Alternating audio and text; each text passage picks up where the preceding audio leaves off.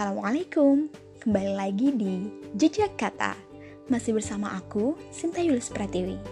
Di episode kali ini, aku akan membahas seputar perempuan Tentang hakikatnya, keistimewaan, dan segala potensinya. Menurut bahasa Sanskerta, perempuan berasal dari kata perempuan.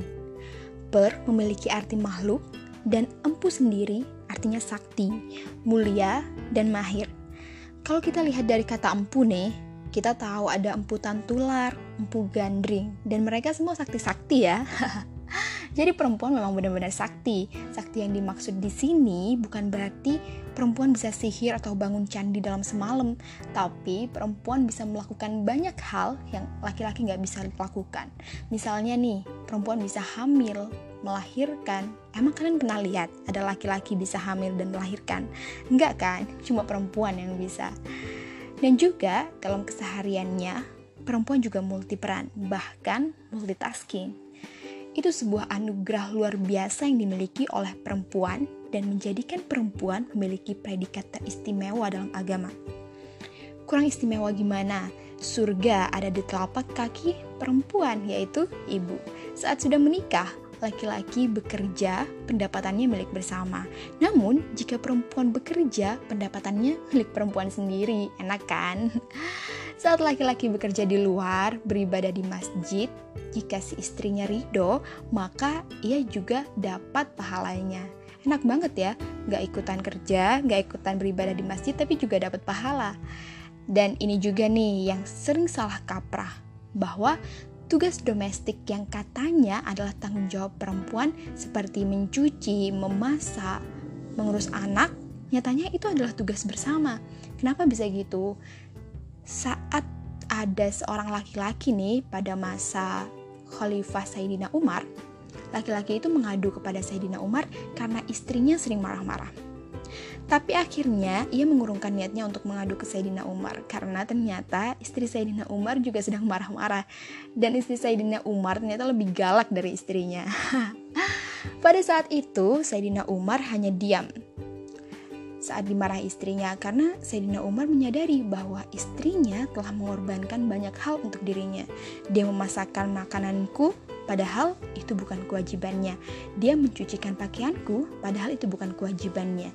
Dia melahirkan dan membesarkan juga mendidik anak-anakku, padahal itu bukan kewajibannya.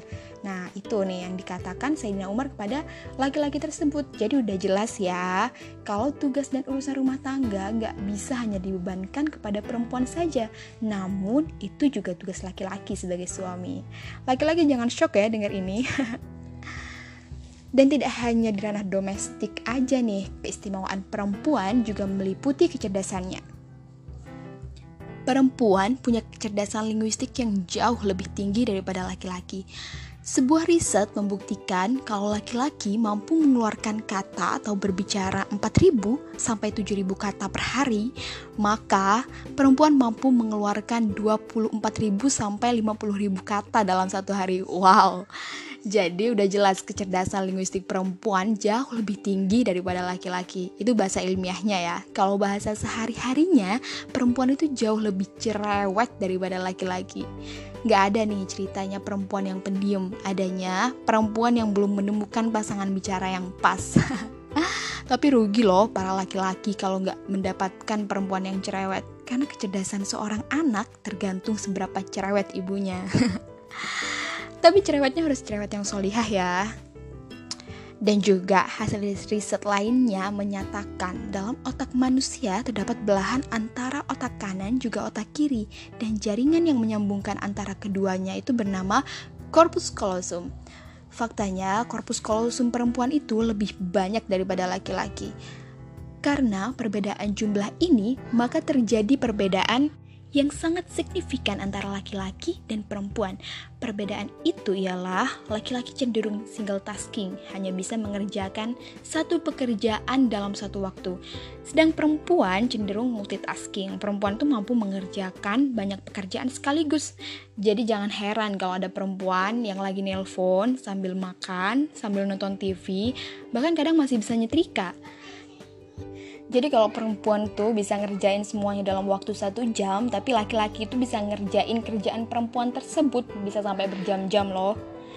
Perempuan tidak hanya mulia karena keistimewaannya dalam agama, namun juga ia mempesona karena kecerdasannya. Kalau kata Ustadz Salim Afilah nih, saking cerdasnya perempuan, dia tuh suka bicara dengan kalimat yang gak langsung, alias suka kode-kodean.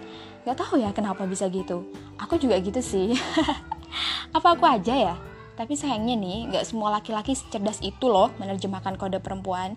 Jadi gak heran banyak rumah tangga yang berantakan atau bahkan terjadi perceraian sebab masalah komunikasi nih atau miskomunikasi gitu.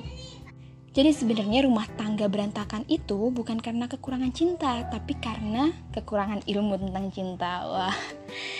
Ya, jadi bahas rumah tangga nih.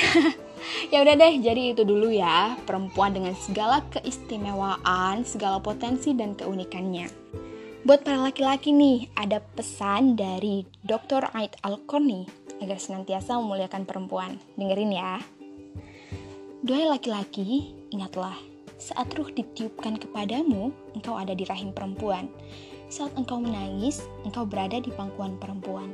Dan saat engkau kasmaran, engkau ada di hati perempuan. Karenanya, perlakukanlah perempuan dengan penuh kelembutan. Oke okay guys, kalau menurut kalian podcast ini bermanfaat, jangan lupa follow dan share podcast ini ke teman-teman kalian ya. Sampai jumpa di episode-episode jejak kata selanjutnya. Assalamualaikum.